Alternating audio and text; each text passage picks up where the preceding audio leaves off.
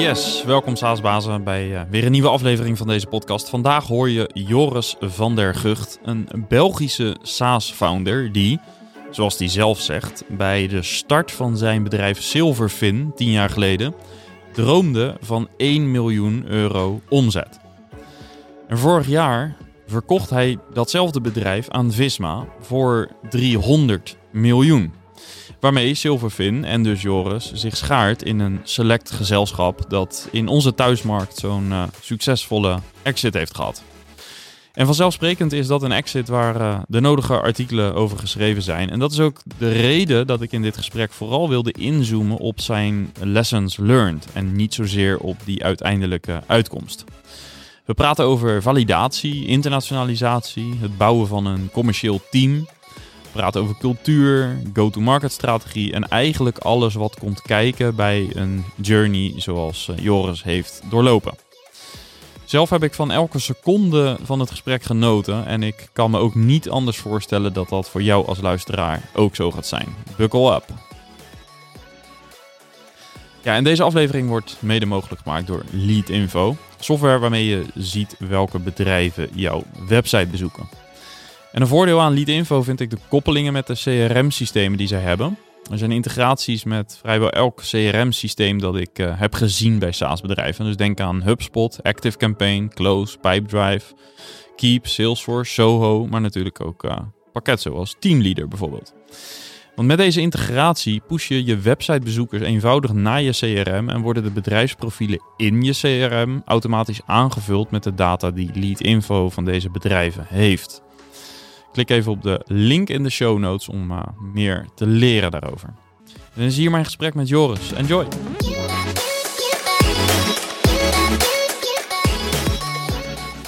Ja, Joris, uh, welkom. Ik uh, Dank u. wil het graag met je hebben over 10 jaar Silverfin. Leuk. Um, maar ik wil eigenlijk beginnen met een uh, soort terugblik. Want ik heb natuurlijk een beetje zitten verdiepen in Silverfin. En de luisteraar kan dit niet zien, maar ik heb een foto gevonden van acht jaar geleden. Dat ben jij niet. Nee. Dit is een teamlid die uh, staat op een beurs. En ik heb ook uh, nou, veel recentere foto's van teamleden gezien op, uh, op beurzen van Silverfin. En dan was het vaak groots en Ja. meeslepend. Ja. dit is een foto van nou ja, acht jaar geleden ongeveer, dus redelijk in de, in de beginfase. Um, van een medewerker op een wat kleinere stand met een roll-up banner ernaast. Dus hele andere tijd. Als je dit nu ziet, nu je nou ja, inmiddels een exit achter de rug hebt.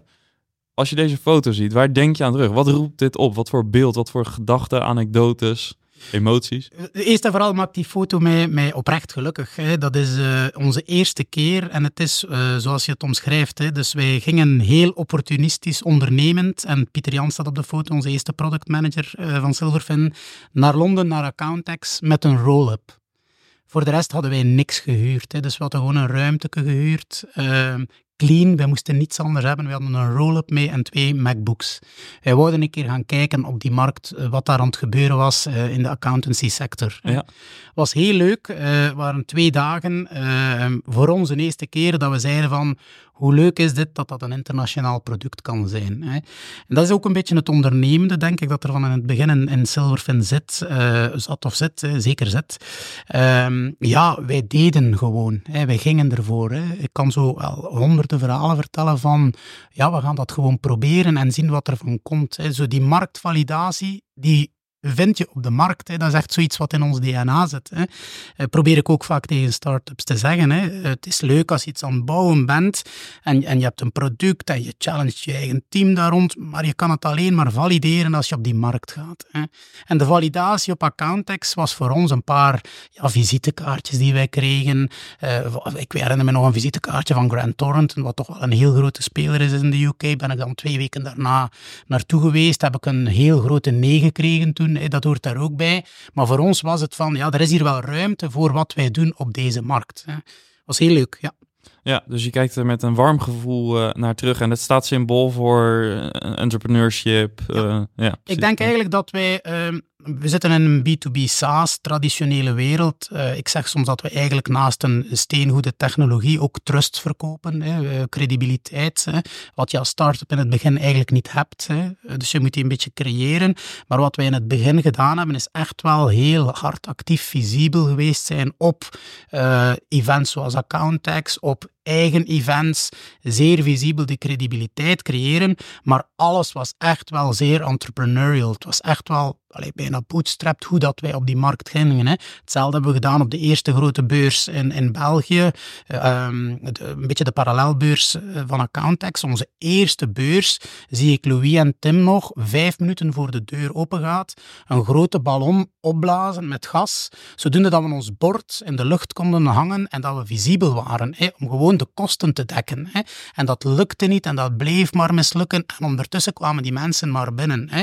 Achteraf gezien, allemaal heel leuk achteraf, maar op die moment ja, was dat ergens wel frustrerend natuurlijk. Maar zo zijn we echt wel op die markt gegaan. Ja, ja, ja mooi.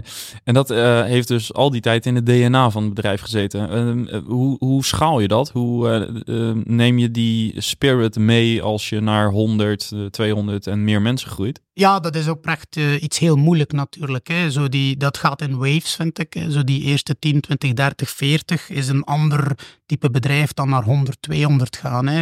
Het is ook een ander type medewerker dat soms aan boord komt. Hè. Zo die eerste 10, 20, 30, ja, dat was echt wel, wij zijn hier om die wereld te gaan veroveren. Hè.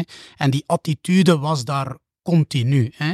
Dat was echt wel, uh, we're in this together, we gaan het doen. Betekent dat dat ik morgen op je support moet werken en de dag daarna een klant moet gaan bezoeken in Frankfurt? We do it. Hè.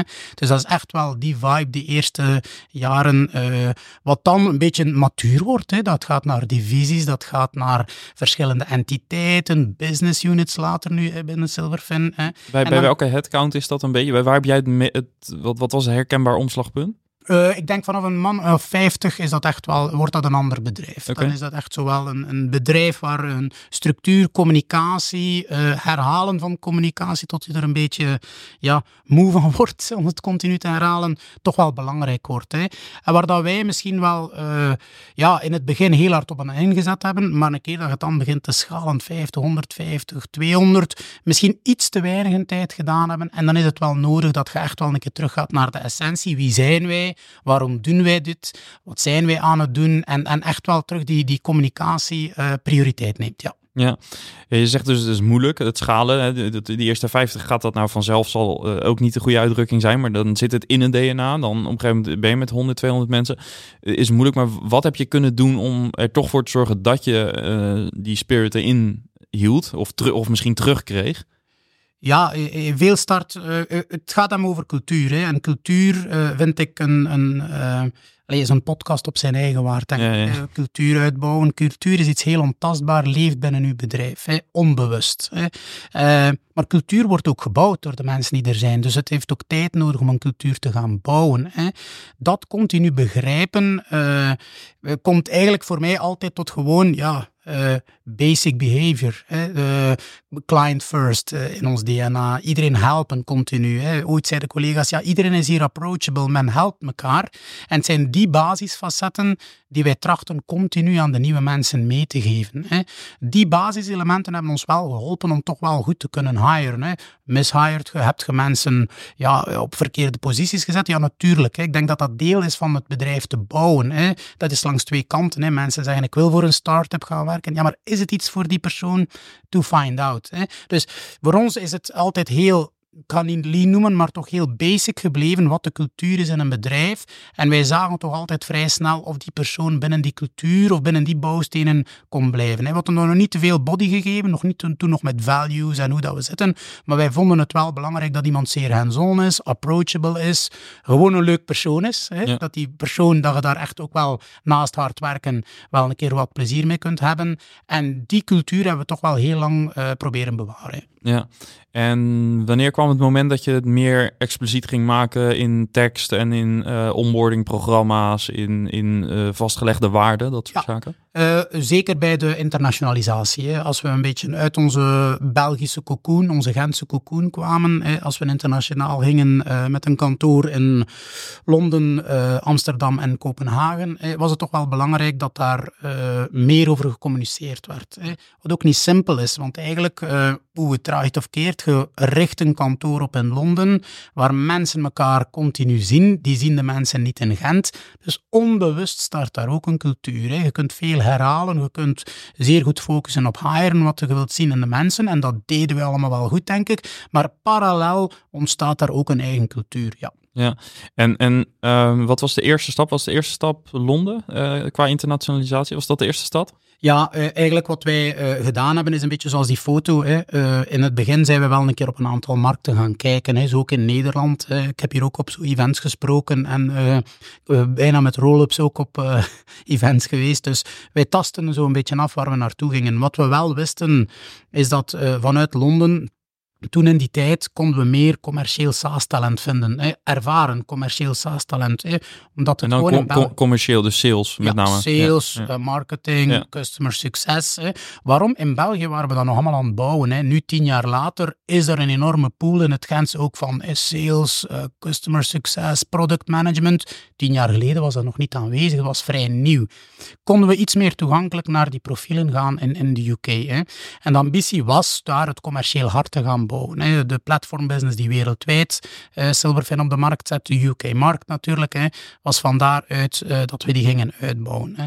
Dus dat was voor ons de eerste stap om een kantoor te gaan doen. En dan hadden we bijna satellite offices in Amsterdam en Kopenhagen om te kijken naar die markten. Ja, ja.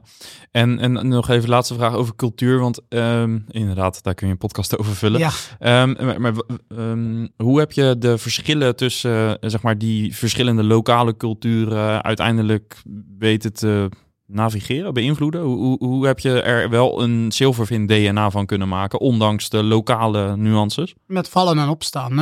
Ik kan daar heel transparant in zijn. Dat is niet evident en dat is ook heel herkenbaar uh, als ik links en rechts een keer rond uh, hoor bij andere bedrijven. Hè. Dat is echt met vallen en opstaan. Hè. Um, zeer praktisch tracht je gewoon de mensen veel bij elkaar te brengen. Hè.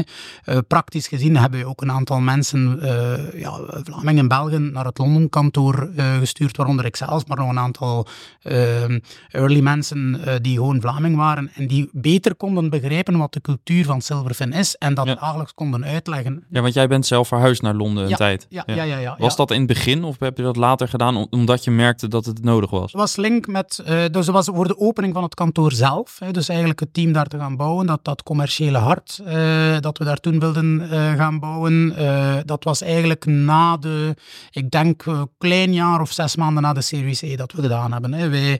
Wij, waren enorm aan het groeien, hè, jaren achter de rug van 300, eh, 200 procent groei. En we wilden echt wel die eh, internationalisatie in gang trekken.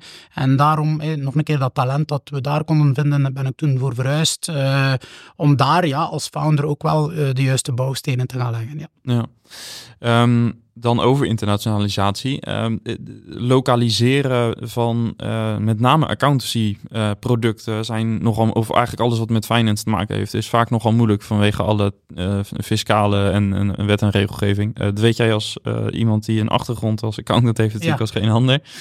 Ehm, wat is jouw kijk op wa- wat, wat, of ja, wat moet je, eh, wat moet je echt lokaliseren en, en wat konden jullie ehm, centraal houden? M- Misschien heel teruggaan naar de start. Hè. Dus eh, mijn co-founder eh, en ikzelf hadden altijd de ambitie om internationaal te gaan, van dag één. Hè. Maar we zijn altijd zeer realistisch geweest en we wilden eerst de validatie op de Belgische markt hebben. Hè. Maar dat wilde ook zeggen dat het product van dag één gebouwd is in een internationale context. Hè. Dus alles wat in het product werd gebouwd, moest later internationaal kunnen gebruikt worden. Hè. En het is heel correct dat je zegt van in de accounting tax audit wereld zie je altijd lokale winnaars, maar niet echt een globaal platform. Je ziet niet echt een platform dat je van denkt, ah, ik ga naar de US, het is daaraan bezig, ik ga naar Nederland, ik ga naar België. Dat zie je niet. Hè. Brands zie je wel. Hè. Je hebt grote brands die wereldwijd aanwezig zijn, maar dezelfde technologie, dezelfde data, dezelfde data, de setup, dat, dat zie je eigenlijk niet. Hè. Wel, dat is eigenlijk de ambitie van Silverfin. We hebben wel iets ontwikkeld dat wereldwijd kan schalen. Hè. En waarbij de IP, wat eigenlijk de lokale regelgeving, de taxonomie en de, zo wilt je wil gaan, de workflows die er nodig zijn voor een adviseur, tax audit en accounting, kunnen door hemzelf gebouwd worden, maar kunnen ook gebouwd worden door een ecosysteem, een marketplace model. Lokale partners. Lokale partners. Hè. En de journey van Silverfin is natuurlijk uh, figure that out. Wie is die partner? Is die partner een consulting firm? Die IP wil bouwen en misschien dat ook gaan monetizen? Is dat een lokale partner die op zoek is naar nieuwe technologie? Is dat een partner, een klant die eigenlijk zelf IP wil ontwikkelen omdat ze iets uniek op de markt willen zetten? Ja, dat is eigenlijk de journey die we de laatste tien jaar hebben doorgemaakt. En het is een beetje, ja, de kip of het ei, ik weet het niet of dat correct geformuleerd is, maar we waren natuurlijk de eerste op die markt die die category, die iets nieuw wilden gaan eh, positioneren. Ja, en dat bracht die, nodige challenges met zich mee. Hè. Want was je, betekent dat ook dat je een beetje een Blue Ocean uh, product ja, ja, aan bouwen was? Wel, dat is, uh, dat is heel... Um, het is een podcast ook op zijn eigen om dat uit te leggen. Hè? Want uiteindelijk, ja, maar als je dan naar een lokale markt kijkt, ja, dan doen wij ook maar gewoon soms een jaarrekening of een taxaangifte in een lokale markt. En dan is het nee. Maar de manier waarop hoe dat wij er naar kijken, de manier waarop dat wij dat gebouwd hebben, is het zeker een Blue Ocean. En ik denk dat we dat eigenlijk ook bewezen hebben in ons groeitraject, dat het een Blue Ocean is met een enorme opportuniteit. Maar teruggaan wat ik zei in het begin, naast een briljante technologie, verkopen we ook credibiliteit en trust. En trust en credibiliteit wereldwijd ook bouwen, ja, dat heeft wel tijd nodig. Ja. ja. Dit klinkt voor mij ook als een serieus positioneringsvraagstuk, wat je eigenlijk in elke lokale markt opnieuw moet oplossen. Uh, wat, wat heb je geleerd over hoe je een. En dit is een wat meer algemene vraag, uh, misschien moeilijk, maar wat heb je geleerd over hoe je positionering goed eh, kunt aanpakken bij een product wat uh, misschien nieuw is in bepaalde markten? Ja, um, dat, is bijna, allee, dat kan bijna een filosofische vraag worden. Hè. Um, dat verschilt van markt tot markt. Um, wat ik gezien heb in de accounting-industrie, als je lokaal in een markt gaat, moet het product heel herkenbaar zijn. Hè. Een accountant koopt graag iets wat hij kent. Zekerheid. De jaarrekening. Ik moet een taxaangifte doen. Die, dat moet heel tastbaar zijn. Dus en niet conceptueel. het moet concreet zijn. Het moet, de output is belangrijker dan hoe, waarom en de efficiëntie. Hè. Dus als je met een nieuw idee in die markt komt, hè, als je met een nieuwe positionering komt en zegt van door dit zo te doen, kan je heel data gedreven en echt diepgaande automatisering gaan uitvoeren, heel ontastbaar. Hm. In de industrie van de accountants, ja, ik denk niet dat men echt actief op zoek is naar hoe kan dit beter. Men doet dat niet. Men denkt van ik moet een jaarrekening bouwen voor mijn klanten, dus I'm busy enough let me do it. Hè. Dus ze gaan daar niet naar op zoek. Hè. Um, dus in een lokale markt moet je starten dat het heel tastbaar is. Heel tastbaar maken brengt met zich mee dat je de, de waarde van je eigen product soms een beetje undervalued. Hè. Dus eigenlijk een jaarrekening tool, een traditionele mm. jaarrekening tool, vergelijken met de capaciteiten wat Silverfin kan, ja, dat is bijna onmogelijk. Ja, dus bedoel je ook dat, dat uh, je bent trots op, op je product, je hebt iets gebouwd wat heel veel verschillende dingen kan, maar door dat te vertellen maak je de drempel voor je klant eigenlijk hoger om het te kopen. Dus kan je beter eigenlijk je pitch wat downgraden, zodat ze het bij hun referentiekader aansluit. Dat ze het goed kunnen snappen daarop verkoop je het. En dat je misschien het gesprek daarna kunt, dat het de upsell misschien is? Dus eigenlijk om te zeggen, heel correct, ja. Uh, sommige markten hè, moet het heel tastbaar zijn, moet het een land and expand strategie zijn. Andere markten, ja, van de een zouden kopen de full, suite. Hè. Dus uiteindelijk, hm. het is een beetje verschillend in de accountancywereld. Dat is de wereld waar ik uh, mijn expertise kan over delen. Hè. Is het verschillend van markt tot markt. Hè. En ook de maturiteit van de, van de kantoren zelf. Hè. Um, we hebben daarnaast ook nog een platform business, wat vroeger de, de Global Business Unit was, die het product, de, gewoon het platform wereldwijd verkoopt aan voornamelijk Big Fours. Hè. Zitten we in 17, 18 landen, denk ik. Hè. Ja, daar verkoop je het grootste concept dat er bestaat. Hè. Daar verkoop je totaal iets anders. Hè. Dat is echt wel change management. Dat is echt wel uh, data-driven adviseur worden voor duizenden van de eindklanten in een breed spectrum. Dat gaat van uh, accounting, dat gaat tot tax solutions. Hè. Dat gaat echt wel over de user experience voor de eindklant. De, hoe een uh, Big Four verder kan gaan digitaliseren is een totaal andere propositie dan in een lokale markt waar het bijna out of the box moet zijn. Plug and play, SaaS-oplossing. Ik start met X, Y, Z, morgen contract getekend. Ja. Dus wij hebben daar natuurlijk heel lang... Uh, doordat die Blue Ocean, doordat we die categorie aan het bouwen zijn, waren op zoek geweest van hoe kunnen we dat perfect positioneren. Maar ik denk wel dat ik open en transparant kan zijn dat dat net de journey van Silverfin is. Ja, ja. Want ehm, als je, je, zei zelf, het kan bijna een filosofische vraag worden, vond ik wel, mooi. Want je, zou ook um, op zoek kunnen gaan naar, zeg maar, wat zijn dan de principes van goede positionering? En klopt het dat je tussen de regels door zegt dat een principe van goede positionering is dat je um, niet bij je eigen product begint, maar dat je altijd begint bij het referentiekader van de markt? Uh, uh, correct. En misschien nog iets extra bij. Wij starten altijd van het waardemodel. Eh, niet van het functionaliteitsmodel, niet van de output. Wat is het waardemodel van onze pitch? Eh?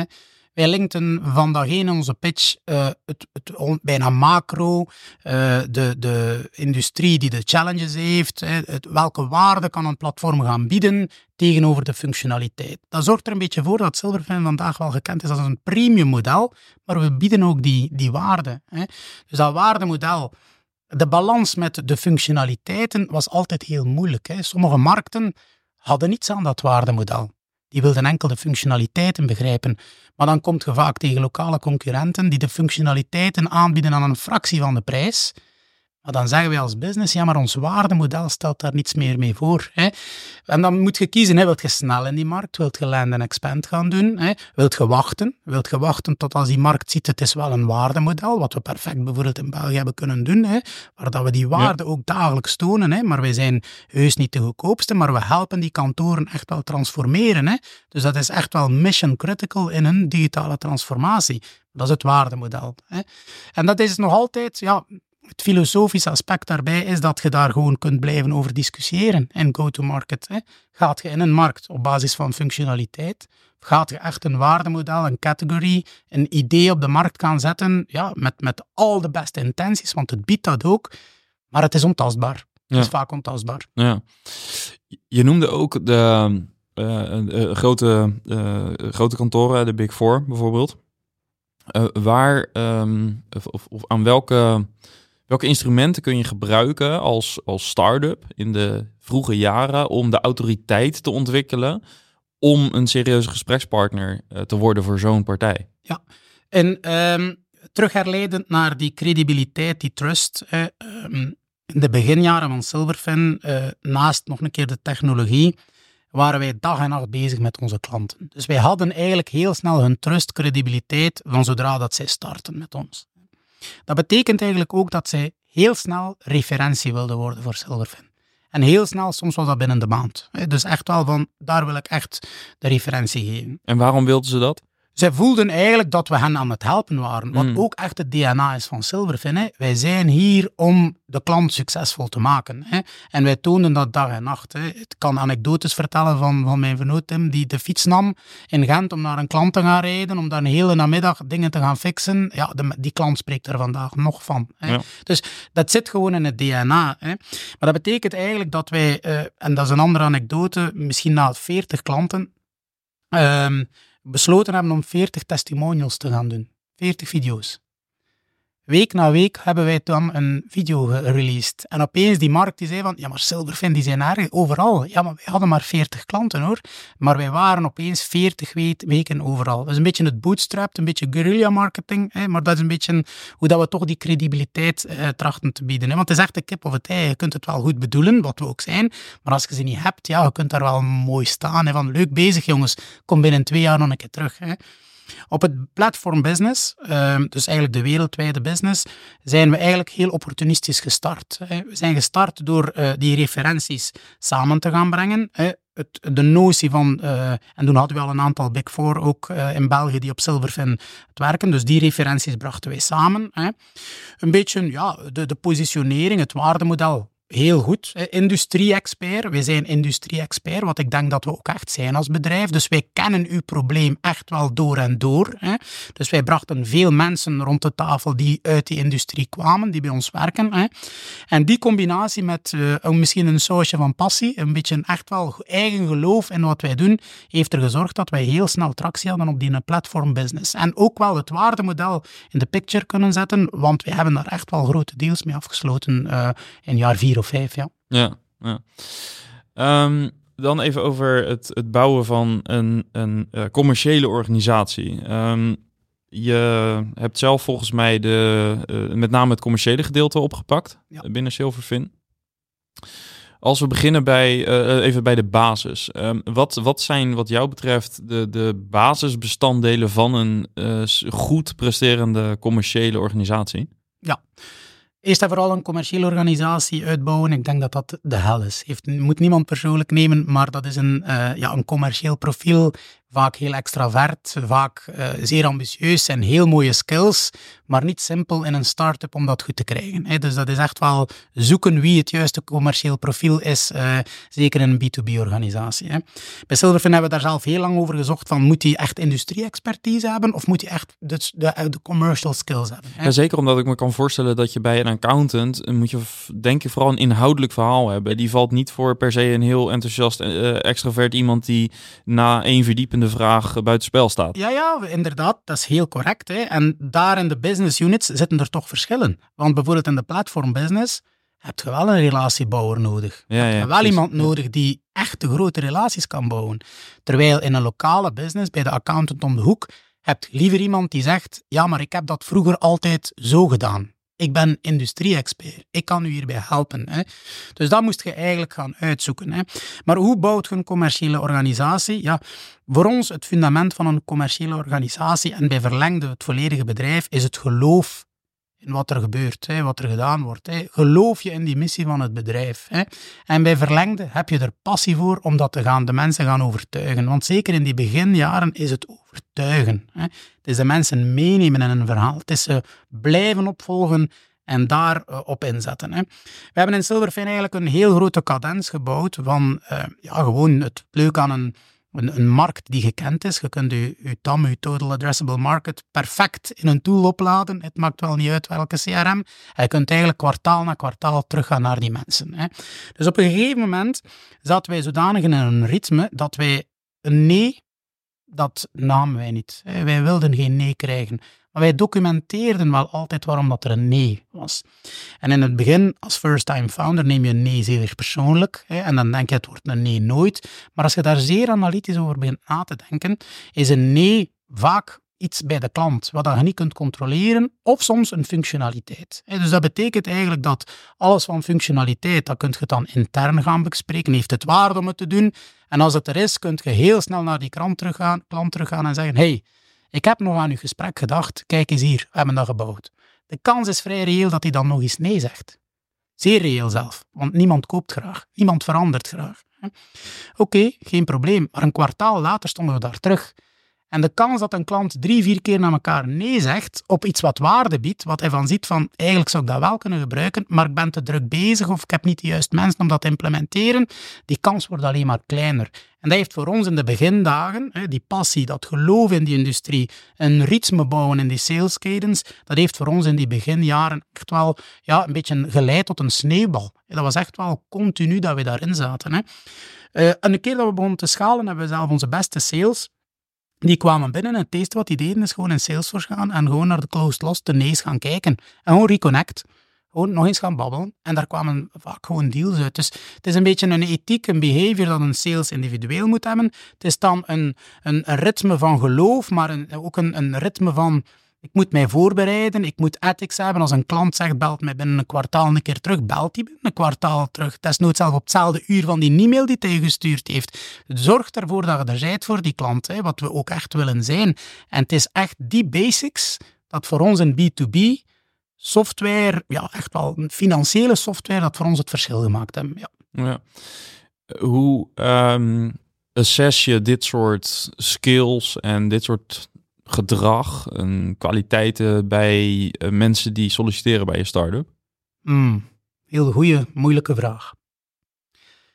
Je kan, uh, ik denk, uh, hoe assessen wij? Ja, door ook veel te documenteren, genoeg mensen te betrekken bij het hiringproces van Silverfin. Niet als één persoon, meerdere mensen, zelfs een keer een potentiële peer een keer uh, voor uh, een, een, potentiële nieuwe hire te zetten. Ja, want hoe zag jullie proces er ongeveer uit? Is enorm geëvolueerd continu. Ja, ja. Uh, van heel lang tot heel kort, van terug naar heel lang tot heel kort.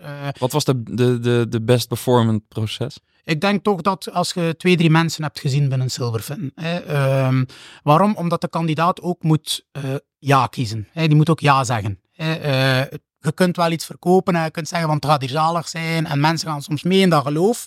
Maar als ze niet zelf volmondig ja zeggen, is het voor niemand nuttig. Hè. Dus zo'n drietal mensen uh, vind ik goed. Uh, gedocumenteerd. Hè. Uh, zorg voor een documentatie. Het maakt zelf niet uit welke structuur. Kies voor die structuur en blijf daaraan, die structuur. Hè. Een viertal allez, structuren of een viertal verschillende key topics die iedereen wil bespreken. Denk ik dat iedereen dat kan documenteren, dat je daar heel veel uithaalt. Hè. Ja, want met structuur bedoel je gewoon wat je in een gesprek ja, ter sprake wordt. Ja, ja, voilà. precies, ja. Zo, zo zaken rond die passie. Wat is de industrie? Kan je dat? Zo die zaken. Hè. Maar zorg dat die structuur... Het maakt niet uit wat die structuur structuur is, maar zorg dat er een structuur is. Hè. en documenteer dat. Hè. maar je gaat dan nog uh, een aantal fouten maken hoor, in het hiringproces. Je kan dat niet 100% correct doen. Dat is ook best oké. Dat is ook best oké. Dus uh, ik denk dat uh, de juiste hires en het juiste team bouwen voor ieder bedrijf individueel anders is. Hè. Ieder bedrijf heeft een andere cultuur.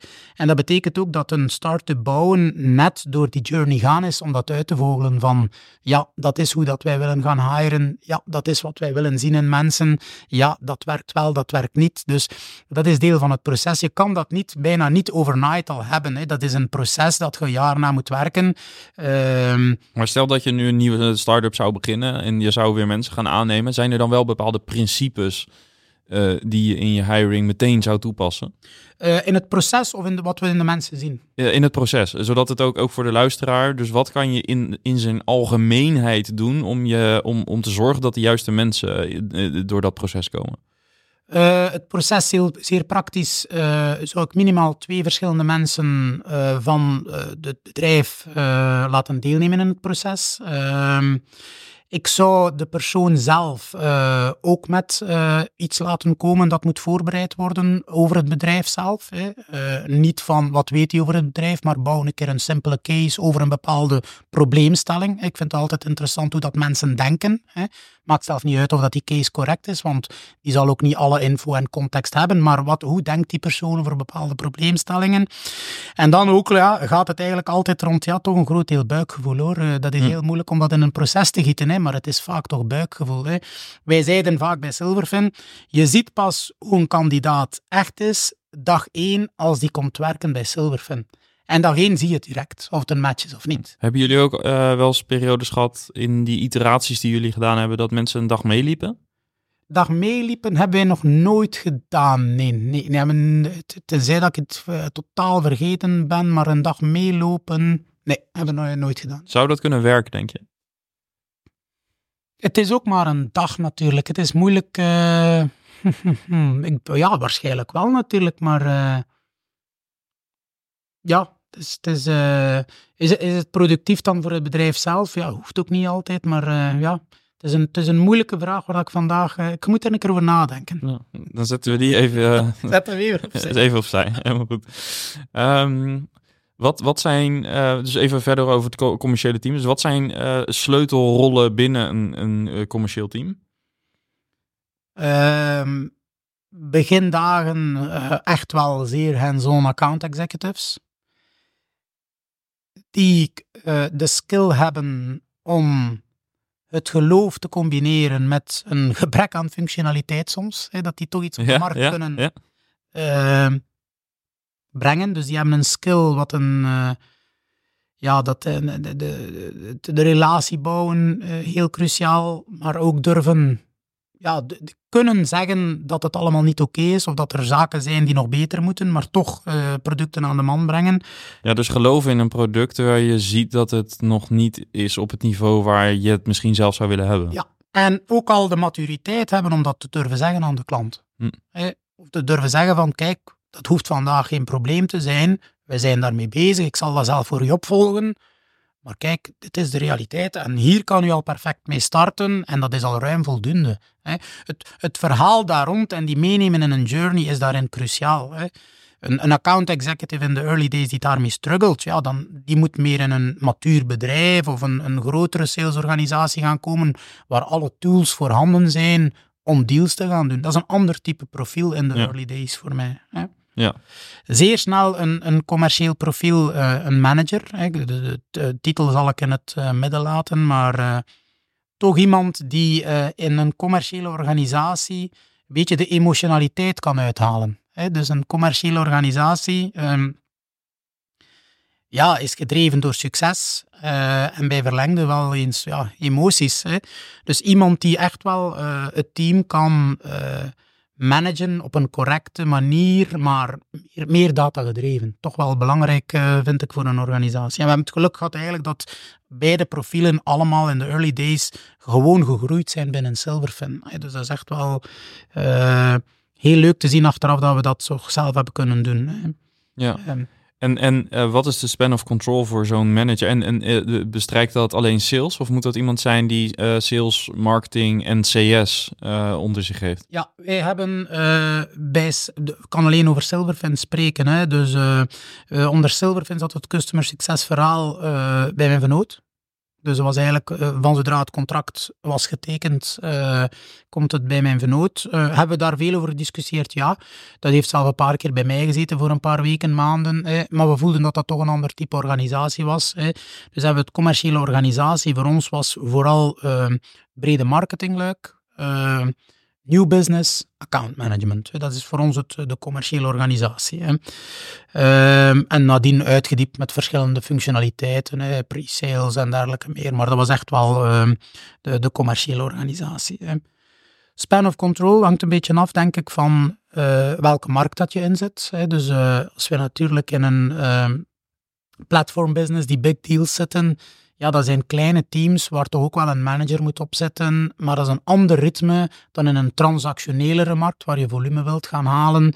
Ja, dan zijn dat vaak wel een pak grotere teams. Hè. Dus eh, dat, is dat, ja, dat gaat dan misschien over de tien mensen eh, dat een sales manager zal aan het, eh, aan het managen zijn. Hè. Het is een beetje afhankelijk van de type deals. Hè. Ook hier kunnen we, kan ik veel learnings vertellen, want dat hebben we ook gewoon uitgezocht. Hè. Eh, ik heb enorm veel anekdotes dat we zelf gefrustreerd waren over onze grootste deals, hoe traag dat ze liepen en welk type mensen dat daar moeten op zitten en hoeveel mensen dat daar verdorie rond een tafel moeten gaan zitten om een deal te gaan closen, terwijl in België werden er deals geclosed op één meeting. Snap je? Dus dat is, dat is deel van, van de journey zelf. Hè. Ehm, Eh, Hoe, hoe heb je het team gemotiveerd eh, tijdens dat soort misschien wel meerjarige sales trajecten? Om, om te blijven pushen?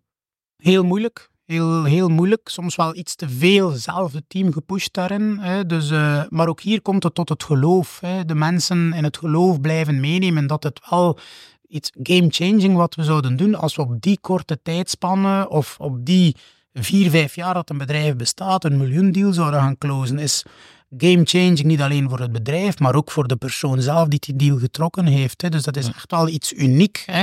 En dat is een beetje wat we altijd hebben gehad in het, het, het DNA van Silverfin. Alles proberen stretchen. Dat kan positief bekeken worden, maar dat kan ook negatief bekeken worden. Hè. Als je altijd wil stretchen, ja, zit je heel ambitieus. Hè. Wilt je altijd stretchen, betekent soms dat je echt de targets niet haalt en zelf een slecht gevoel kunt hebben van ze niet haalt, maar ze waren al zodanig gestretched. Dus eigenlijk deed je wel heel goede dingen.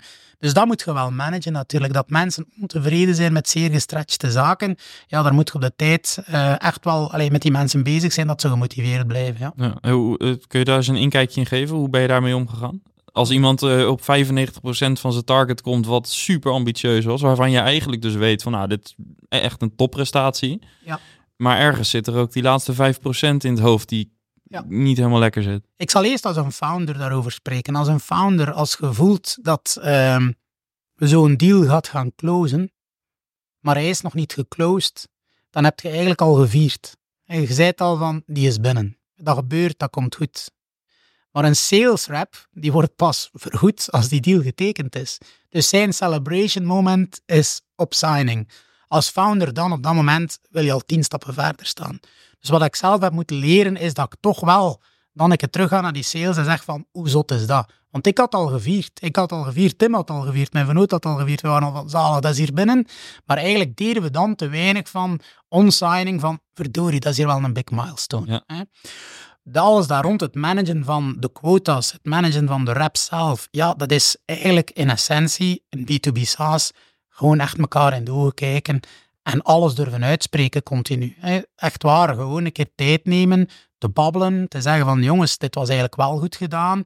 En soms durven toegeven, ja goed, die commissie moet uitbetaald worden. Laat ons daar eerlijk in zijn is niet simpel natuurlijk, hè, want als dat natuurlijk een gegeven wordt of een standaard wordt in een bedrijf, ja, het jaar daarna zal een sales zeggen van, oh ja, het is voldoende om 90% te halen, ze zullen het wel uitbetalen.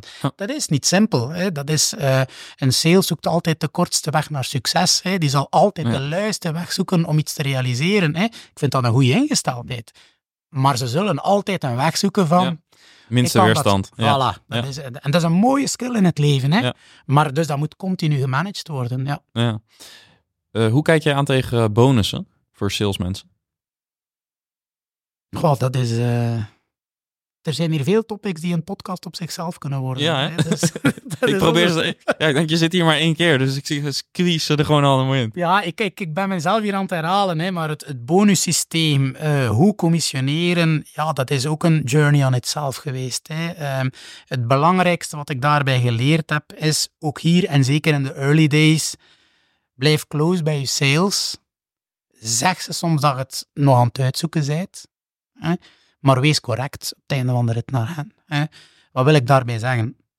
In die eerste jaren waren er echt wel kwartalen of zelfs maanden, want we zijn echt wel een, een maandquota bedrijf in sommige business units, wat echt wel intens is. Hè. Waar dat we echt soms in de early days zijn, we hebben nog geen target. We hebben het nog niet, we zijn het aan het uitzoeken. Ja, we zijn met zoveel dingen bezig en, en het is hier weer vol een bak, we gaan het uitzoeken. Maar die groei die bleef komen, de mensen bleven gemotiveerd om ervoor te gaan.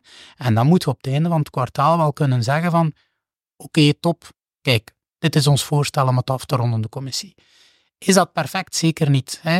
Zal je daarvan als outsider naar kijken en zeggen van, Joris, amateuristisch was dat, maar het komt tot de essentie in de early days. Je hebt een kick-ass team nodig dat dat kan begrijpen, dat er veel dingen samenkomen, dat je veel dingen aan het uitzoeken bent en die bij u moeten blijven en dat geloof hebben en zeggen van ik heb geloof dat die dat wel goed gaan maken.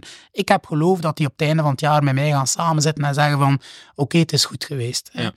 Dat kunt je volgens mij in het begin. Je kunt alles in processen, procedures en we hadden dat allemaal. Hè, maar het komt tot een menselijke factor soms zeker in die, die begin, beginjaren. Je moet echt elkaar kunnen kijken en zeggen van dit was goed, maar ook dit was slecht. Hè. Dat hebben we natuurlijk ook gedaan. Ja. Mag ik dan een beetje een zwart-wit vraag stellen? Zeker. Um, zou je dan als founder uh, van een start-up met 20, 25 mensen, met uh, laten we zeggen drie salesmensen of zo, zou je dan kunnen zeggen als ik een, uh, als wij onze bonusstructuur nog niet helemaal hebben staan, maar mijn sales rep die vraagt daar elke maand om, dat je niet de juiste persoon hebt?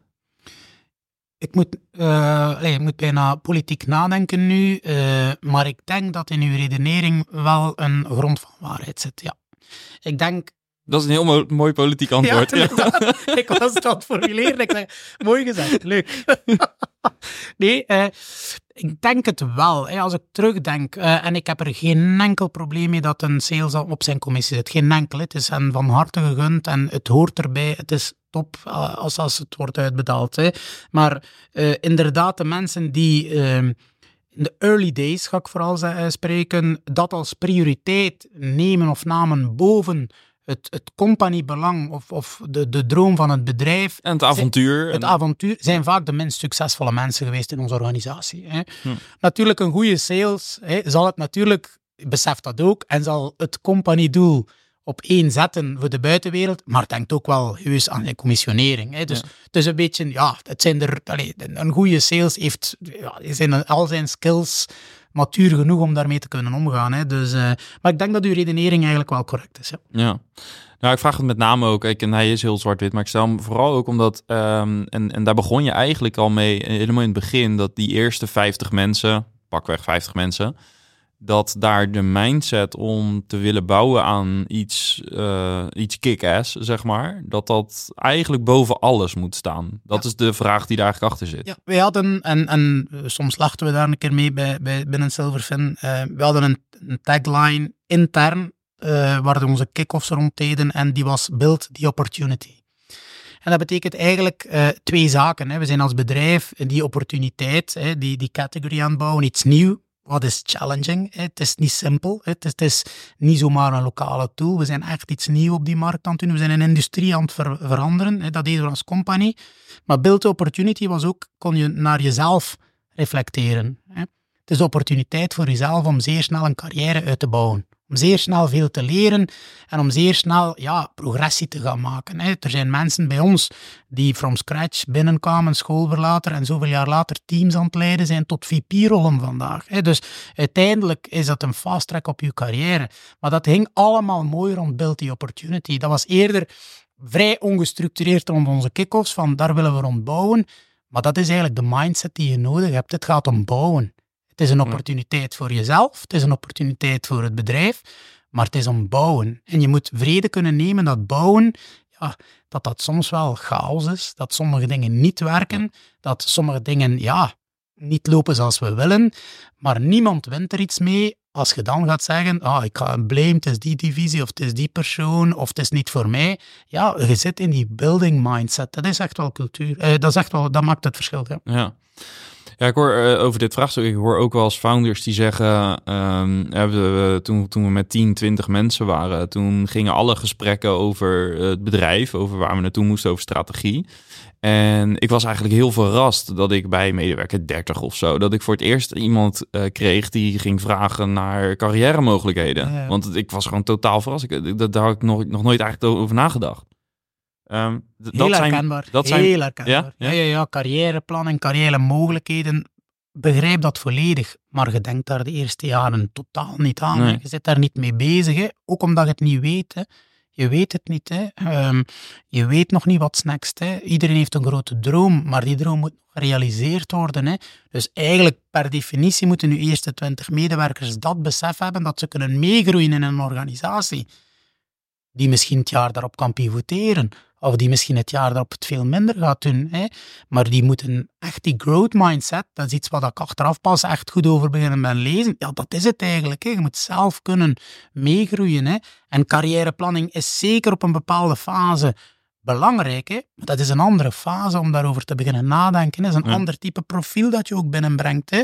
Dat is logisch, hè? dat is niet uh, negatief of positief, hè? dat is een ander type profiel. Maar die eerste 50 mensen, hè, misschien 30, 50, ja, dat gaat over hoe kunnen wij hier groeien. Hè? Ja. Wij samen willen iets gaan bouwen. Ja. En dan een trust in het managementteam en het leadership om te zeggen van, die gaan waarschijnlijk de goede beslissingen doen. Of we begrijpen die beslissingen, we ondersteunen die beslissingen. En we hebben trust om een keer te gaan zeggen, ja, maar een carrière discussie of een, of een salarisdiscussie kan wel een keer iets of wat uitgesteld worden. Want ik heb vertrouwen dat dat wel in orde komt. Ja, ja. ja. Uh, nog even terug naar uh, de, de, het commerciële organisatie. En dat staat iets verder van de organisatie. En ik ben een beetje bang om deze vraag te stellen. Want ik denk dat ook hier weer een aparte aflevering aan gewijd zou kunnen worden. maar heel veel salesbedrijven worstelen met pricing. Uh, ook in combinatie met hun. Uh, ik zie dat jij dat ook hebt gehad. nu nog steeds. Ja, ja. Wat, zijn er ook daar principes uh, of lessons learned die je zou kunnen, kunnen delen op, op gebied van hoe, hoe bepaal je de prijs van je software? En misschien niet zozeer de hoogte van de prijs, maar ook de structuur van je pricing en dat soort zaken. Het, ik was daarnet iets aan het denken. Um, Um, ben het nu even vergeten natuurlijk. Um, ja, we hebben die discussies nog altijd. Dus pricing, daar kun je binnen een bedrijf je jaar mee vullen. Punt. Um, in het begin, ga je nu terug gaan naar het waardemodel. We hebben onze pricing, ons businessmodel, onze value propositie, hoe we op de markt komen, heel hard gelinkt met een waardemodel en niet met een functionaliteitsmodel. Ook onze pricing. Wat tien jaar geleden niet simpel was. Hè. De cloud was bijna nieuw, eh, SaaS was nieuw, zeker in een traditionele, in, in traditionele industrie. Sorry. Software werd afgeschreven, was niet recurring. Bedoel, wij moesten veel concepten uitleggen aan mensen hoor, in het begin. Hè. En dan kwamen we nog een keer met een waardemodel. Dat was heel duur. Dat was bijna een medewerker dat zij aan software moesten betalen. En een payroll was naar één op één software, was zeer nieuw. Het waardemodel was zeer cruciaal. En dan ehm, zoekt je eigenlijk naar, naar, naar die validatiepunten. Hè. Um, maar het belangrijkste hierbij is denk ik dat we toch wel een, een zekere ja, periode uh, het moet uitvoeren, het idee van het waardemodel. En dan zijn we op een gegeven moment heel hard beginnen stretchen. Wij zijn gewoon jaar na jaar zeggen we gaan duurder worden. We gaan duurder worden. Tot het moment dat we voelden van dat gaat nu niet meer. Hè. En, en waar voelde je dat aan? Aan meer pushback, minder deals? Minder uh, deals, ja. Eén ja. op één minder deals. En ook wel op een gegeven moment de directe feedback van de salesorganisatie. Ga ik ook wel eerlijk in zijn dat ze zeiden van Joris, dit, is, dit gaat niet meer. Dit gaat echt niet meer. Hè. Uh, dus dat is in het begin waarbij dat je zelf nog die credibiliteit aan te bouwen bent, het waardemodel. Dus je bent het aan het uitzoeken. Wij hebben alles van het bedrijf Silverfin uitgezocht op de markt. Die eerste foto, de eerste producten, de eerste licenties. We hebben die altijd laten valideren door uh, de klant zelf dat klinkt basic, maar veel startups vandaag blijven in een cocoon zitten en durven niet valideren. Wij zijn in alles client-facing geweest. Dat is echt het principe dat ik iedereen aanraad om te valideren. En dan durven itereren. Dus wat betekent dat voor ons? Dat we eigenlijk doorheen de jaren mogelijk verschillende pricings hadden. Structuur, het waardemodel bleef gelijk, maar het, de, de, unit prices waren soms wel verschillend. Hè. Dus de klanten die later instapten, veel duurder dan de early adopters. Maar dat is ook zo dat we dat in de markt hebben uitgelegd. En dat was ook heel correct. Wij zeiden, als klanten met elkaar hebben gesproken, ah, kantoor X, ik hoor dat zij maar zoveel betalen en ik moet hier zoveel betalen. Maar doordat wij continu op die markt waren en continu met iedereen aan het spreken waren, hadden wij klant Y wel de kans gegeven om twee jaar daarvoor in te stappen. Heeft dat niet gedaan, die beseft dat zelf maar al te goed. Dus die moest eigenlijk vrede nemen met het feit dat hij later instapte en daardoor duurdere pricing moest gaan doen. Dus dat uitleggen in uw pricing ondertussen aan het uitzoeken zijn, ja, was voor ons wel, ja, heeft gelukt. Er is, is wel wat uh, discussie rond geweest. Maar voor mij, ik zie daar geen andere mogelijkheid in om met pricing op een markt te komen. Hè. In internationalisatie komt die pricingmodel altijd ter discussie. Ik heb dat verteld, land and expand, de Nederlandse markt, de UK-markt, meer linken naar de output, minder het waardemodel. Dus dat resulteert ertoe dat we in sommige markten echt wel totaal andere pricings hebben moeten hanteren. En, en hoogte of ook in structuur? Hoogte en structuur. Pa packaging dus ook anders ja, soms. Ja, ja, ja, toch wel. Hè? Maar dat is ook trial and error geweest. Dat is ook zoeken hoor. Uh, en ook hier is de consistentie om iets te doen en de validatie daarop belangrijker dan continu te zitten aanpassen of hypothetisch na te denken van wat zou het kunnen zijn. Heb je dan ook, betekent dat ook dat het impact gehad heeft op het product? Ja, dit, nu worden we misschien te inhoudelijk, maar want, want eh, misschien moet je met feature flags en zo dan ook andere ja, dingen ja, ja, ja, één op één. Ja, ja, bijvoorbeeld, zeer praktisch, hè, uh, in sommige markten kan je een trial doen van Silverfin, in sommige markten helemaal niet. Ja, precies. Zo die zaken. Hè. Ja. Belangrijk vind ik wel, en, en dat is eerder een, een, een vraag waar ik denk dat mijn, mijn co-founder zou moeten bijzetten. Hè. Het is gebouwd wel een ander type product natuurlijk. Je bouwt een ander type product als je in één markt trialt en de andere markt niet. Hè.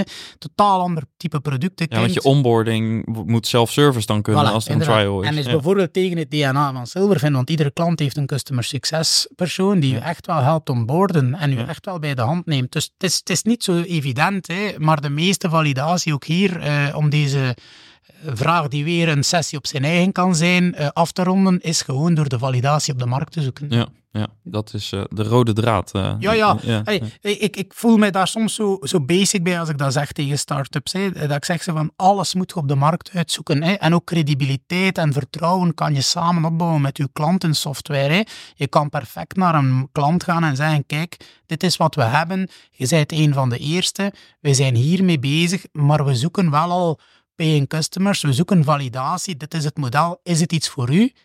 En dan samen aan die journey beginnen. Maar tenminste krijg je validatie, zowel product, zowel commercieel, zowel licensing, customer success, ziet de problemen die de, waar de klant tegenaan loopt. Ja, het klinkt soms zo obvious, maar ik merk dat veel startups vandaag die validatie eerder zoeken binnen een teams en zeggen van, Hm. ja, zullen we dat doen? Moeten we die feature nog Ja. hebben? Oh, wat gaan we daarmee doen? Oh, gaan we nog even wachten met die pricing? We zien wel hoe dat we op de markt gaan. Ja, de beste validatie en uw foto die je hier allee, gelegd hebt, dat is hoe dat wij als bedrijf gewoon op de markt zijn gegaan. Hè. Een rollen bestellen, vlug wat bullets erop, twee MacBooks mee, een, een, een mooi dekentje voor over dat tafeltje te leggen. That's it. Hè. Dat, dat, is, dat is de validatie die wij zochten. Hè. Ja.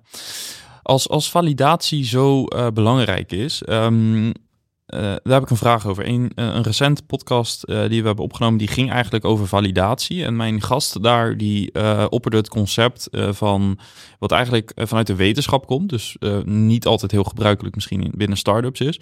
Ehm, ik ga iets simplificeren voor, de, voor de tijd ook. Ehm, maar hij zegt, ehm startups zijn vaak heel erg gericht op validatie van ideeën. Dus eh, in de lean startup ook, eh, je hebt een hypothese en je gaat experimenten opzetten om dat te valideren. Hij zegt, dat is in zichzelf niet per se verkeerd, alleen je slaat één ding over. Want in de wetenschap, als je een hypothese hebt, ga je experimenten opzetten om te valideren. En tegelijkertijd ga je ook een aantal experimenten opzetten om te falsificeren. Dus Mhm. redenen vinden waarom het niet werkt. Ehm, met dat in het achterhoofd. ehm, hè, want want, want er, er kunnen altijd, eh, je kan altijd in een soort confirmation bias komen. Dat op het moment. Dus, dus wat, hoe ziet goede validatie er, wat jou betreft, eh, in zijn algemeenheid uit? Mhm, mhm. Heel goede vraag. Eh, Ik was aan het nadenken dat falsifiëren gewoon niet in de mindset van een founder of een Nee, want je wil, jou, je wil die ja horen. Ja, precies. Je wil vooruit. is iets waar dat ik zelf nog nooit over nagedacht heb. Dus Nee. de eerste keer dat ik dacht dat dat is heel correct, maar ik heb daar een nee nemen of namen wij niet. Dus het moest bijna die ja zijn. Ja, een, eh, Dus zou je kunnen zeggen dat jullie meer vision-driven waren, waarbij je, ehm, waarbij je daar een validatie op zoekt ja dat en, denk en ik. itereert. Eh, Ik denk dat dat heel correct is. Daarnaast, ja, ik weet niet of dat het aansluitend is hoor, bij de, de vraag die je stelt, maar ja, ik kwam natuurlijk al uit die industrie. Ja. Dus ik had al een zekere validatie, misschien een zeer naïeve validatie, hè, in de zin van, Nou ja, het is aardig gelukt, het bedrijf. Ja, dus. maar ik zeg, ja, de, de naïviteit die je in het begin hebt, heb je wel nodig om te starten. Hè. Eh, Ik ga daar hier open en transparant in zijn. Toen ik dat idee pitchte tegen eh, collega's, toen nog werkend als consultant, hè, iedereen, Joris, er is geen markt voor. Die markt is verzadigd. Die markt is matuur. Wat ga je daarin gaan doen? Dus je hebt toch een naïviteit nodig. Hè. Maar de validatie was voor mij, ja, ik vergelijk, en het is nu, ik ga het reflecteren naar mezelf. Het is nu misschien geen goed antwoord. Hè. De validatie zelf is gewoon geweest dat wij continu één op die baan waren. Dat wij continu eh, aan het luisteren waren. Dat wij continu aan het helpen waren. Maar de echte validatie, dat we zeiden van dit wordt zo'n iets, hadden wij ook maar na twee jaar. Hadden we iets van, wauw, dit wordt echt iets. De droom die Tim en ik hadden op het begin was een miljoen omzet halen. Hè was onze droom. Hè? Dus wij hebben ja, die validatie onbewust op die markt gedaan. Bewust, onbewust, ik weet het niet. Maar wij waren zodanig bezig met die klant dat wij een validatie aan het bouwen waren, waar dat we na twee jaar maar eens van beseft van wow, we zijn hier echt iets op aan het doen. Dus het is niet zo dat wij daar planmatig over aan het nadenken waren, dat we zeiden van binnen tien jaar doen hier een exit. Nee, wij wilden iets zot doen, we waren ambitieus en voor ons leek, laat ons beginnen met een miljoen al ambitieus genoeg. We kenden een industrie, hadden een enorme tandem waarbij ik op de markt en Tim zorgden dat die klanten tevreden waren. Ja, die discussies, die uh, debatten, uh, zo close zijn met uw klanten, dat is voor ons het validatieproces geweest, denk ik. Ja. En dus iteratie. Iteratie, ja, ja, ja, ja, ja, ja, ja zeer correct. Want daar zit ook de ruimte om het naar de markt uh, te ontwikkelen. En snel itereren, zeer snel itereren, ja. Ja. En daar komt dan weer de trust bovenop en de confidence van de klant en dan de referenties. Ja, dat is een beetje een sneeuwbal natuurlijk. Hè? Ja. Uh, je schetst al een beetje, dus de eerste twee jaar, jullie groeiden natuurlijk hard. Uh, eigenlijk het hele traject, denk ik, als ik het een beetje vanaf de zijlijn zo heb bekeken. Maar er zijn natuurlijk ook heel veel momenten, heb je ook al laten vallen, van onzekerheid. Hè? Dat je niet zeker weet of iets gaat werken naar een ander land, met een nieuwe feature, een andere pricing. Dus heel veel van dat soort momenten van onzekerheid.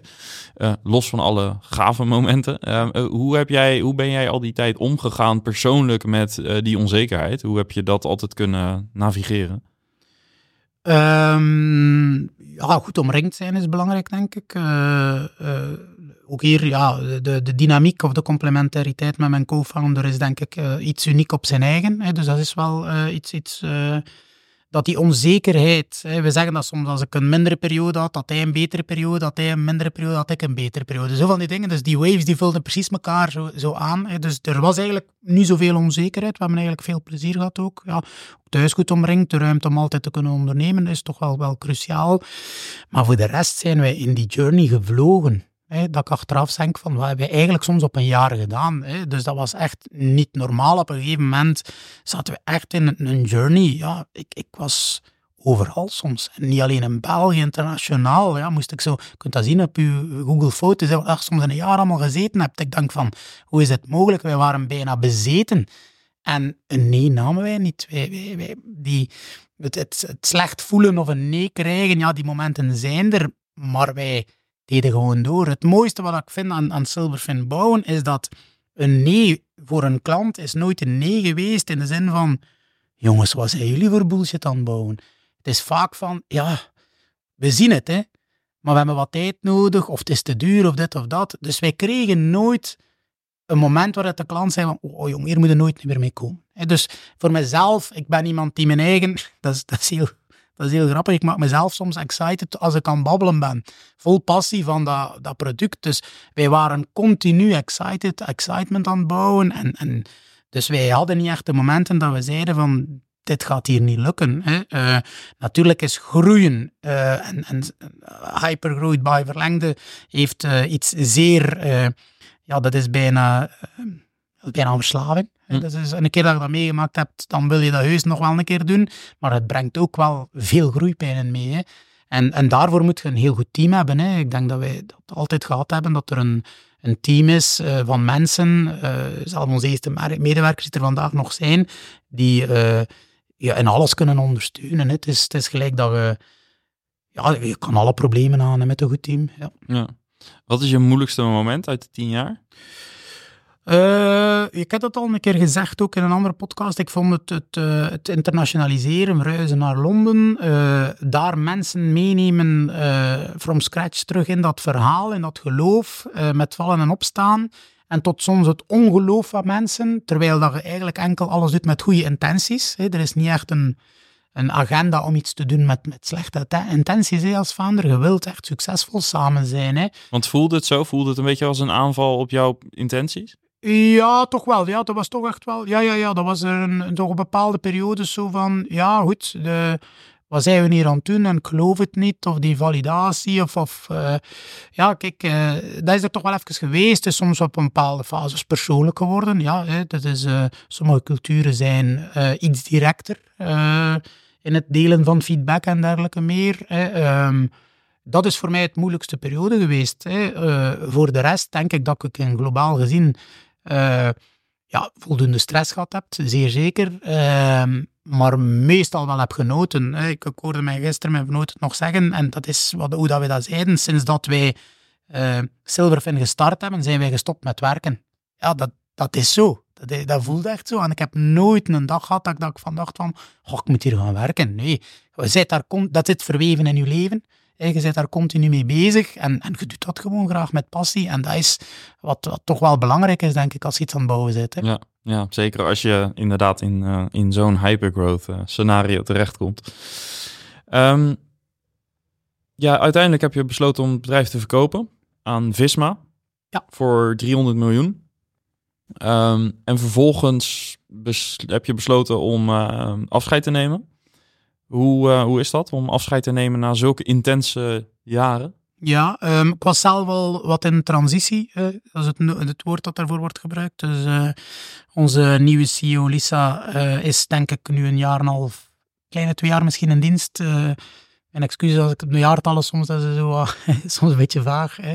Dus sindsdien ben ik hoe dan ook wat minder, of was ik hoe dan ook wat minder operationeel actief. Ehm, was een bewuste keuze. Voor mezelf is tien jaar echt wel, allez, een decade is lang genoeg om iets te doen. Uh, ik denk dat tien jaar het maximum is dat ik iets wil doen, zo, denk ik. Uh, ja. Dus uh, eh, de, ik ben enorm dankbaar voor hetgeen eh, dat we gebouwd hebben en de mensen die daar zitten en, en de cultuur die daar heerst. Allee, gisteren was ik daar nu nog, dat is, dat is oprecht een prachtig bedrijf. Ik ben heel blij dat dat ook kan draaien zonder founders. Hè. Dat is echt wel, ben daar heel dankbaar voor. Ik heb daar geen probleem mee om dat los te laten als persoon. Ik heb daar geen probleem mee. Ik ben daar heel trots en fier op dat we dat allemaal samen hebben gedaan. Ehm, het was het juiste moment op alle vlakken. Hè. Ehm, en nu is het eerder naar iets anders op, denk ik. Hè. Dus, uh, ja, ben je daar al klaar voor? Uh, het is, ik, ik zei het daarnet, het is heel grappig. de meeste mensen vragen mij, wat nu? En dan de tweede vraag is, ja, maar je gaat toch niet kunnen stilzitten.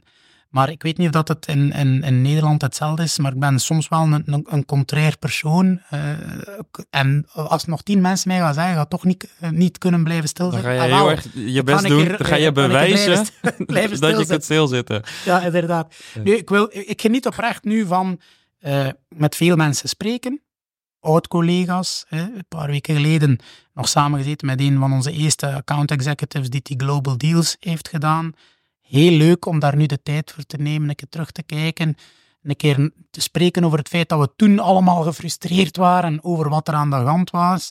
Maar achteraf gezien zei het, het was eigenlijk de mooiste tijd uit mijn carrière. Ja. Zo, zo even terug de tijd nemen om te kunnen spreken met mensen, te reconnecten, geniet ik heel van. Ik uh, krijg heel veel energie van met start-ups te werken, ook mensen samen te brengen, te connecteren met elkaar, vind ik heel leuk. Hè? Uh, doe ik echt heel graag. En ik zie wel voor de rest, hè, er zijn altijd wel ideetjes, maar ik vergeet ook niet hoe intensief zo'n journey is geweest. Ja. Dus dat is... Heb je het gevoel dat je op een bepaalde manier ook moet bijkomen hiervan? Het is, uh, Fysiek of mentaal? Het, het, is alleszins, het is, het is wel interessant om over na te denken, maar ik voel wel dat de balans uh, volledig in evenwicht nu is. Dat is echt wel iets waar je lang niet bij stilstaat hoor. Dat is... Uh, ja, ik heb me, allee, hoe dat ik me voel, zowel allee, fysiek, mentaal, nu is eigenlijk, heb ik lang niet bewust mee bezig geweest. En het is wel een heel leuke periode om zo in, in een balans te kunnen zijn. Ja, dat is echt, daar geniet ik wel van. Ja. ja. Ook gewoon thuis, twee jonge kindjes. Ja, ik was soms fysiek aanwezig, maar eigenlijk was ik niet aanwezig. Nu ben ik aanwezig. Dat is op alle vlakken. Dat is een enorm verschil en daar wil ik ook wel de tijd voor nemen om daar volop van te genieten. Hè. Ja.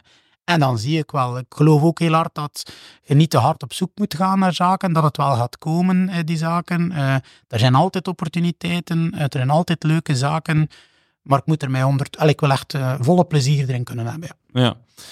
Ja, dan uiteindelijk is een uh, zo'n exit geen hele slechte uitkomst als je droomt van 1 miljoen euro omzet. Nee, nee, nee, zeker niet. Ehm, ik maak altijd het vergelijk. Ehm, toen wij starten, uh, Tim en ik, uh, titels vonden wij niet zo relevant. Uh, wij, onze signatures waren ondertekend met partner. In de zin van, een accountantkantoor werkt ook met partners. Wij zijn partner. Meer relatable. ja, van die, ja. Allee, het was niet zo belangrijk.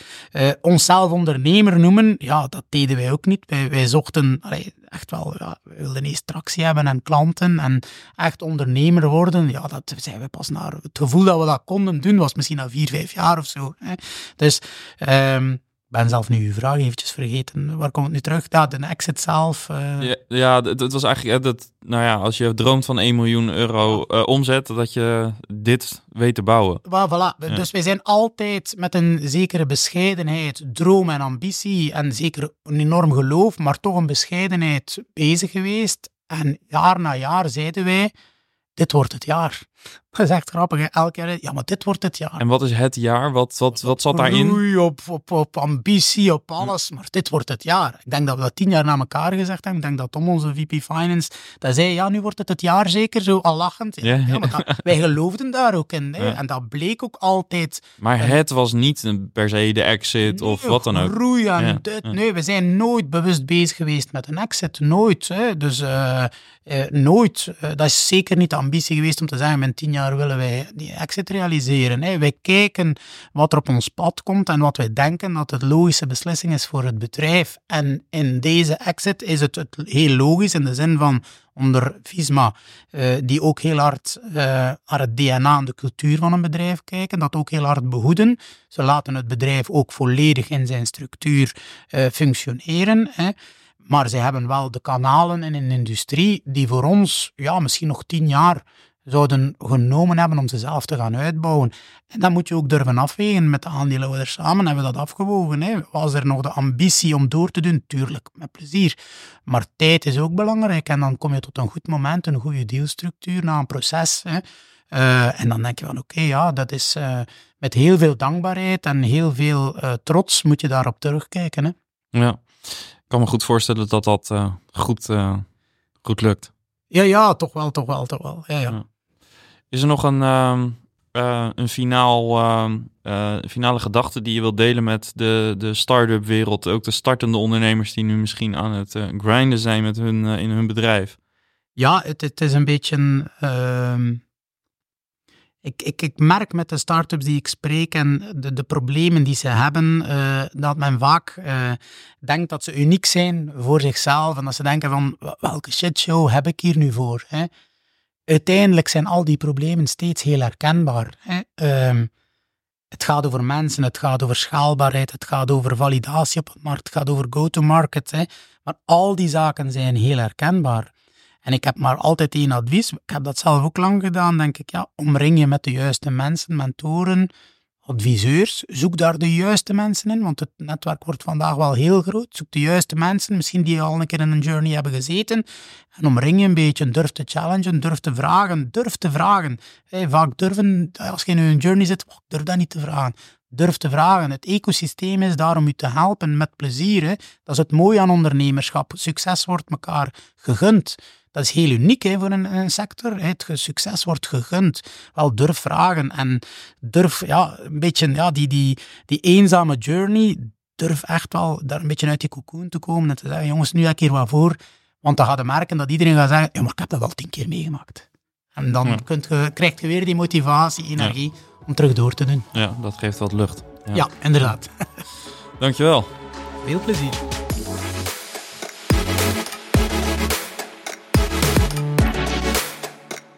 Bedankt voor het luisteren naar uh, dit gesprek. En zoals je hebt kunnen horen, was het een uh, buitengewoon plezierig gesprek voor mij om, uh, om zo met Joris te hebben. En dat is ook waarom ik dit zo graag doe. Verhalen van, zoals die van Joris uitpluizen en de lessons learned delen.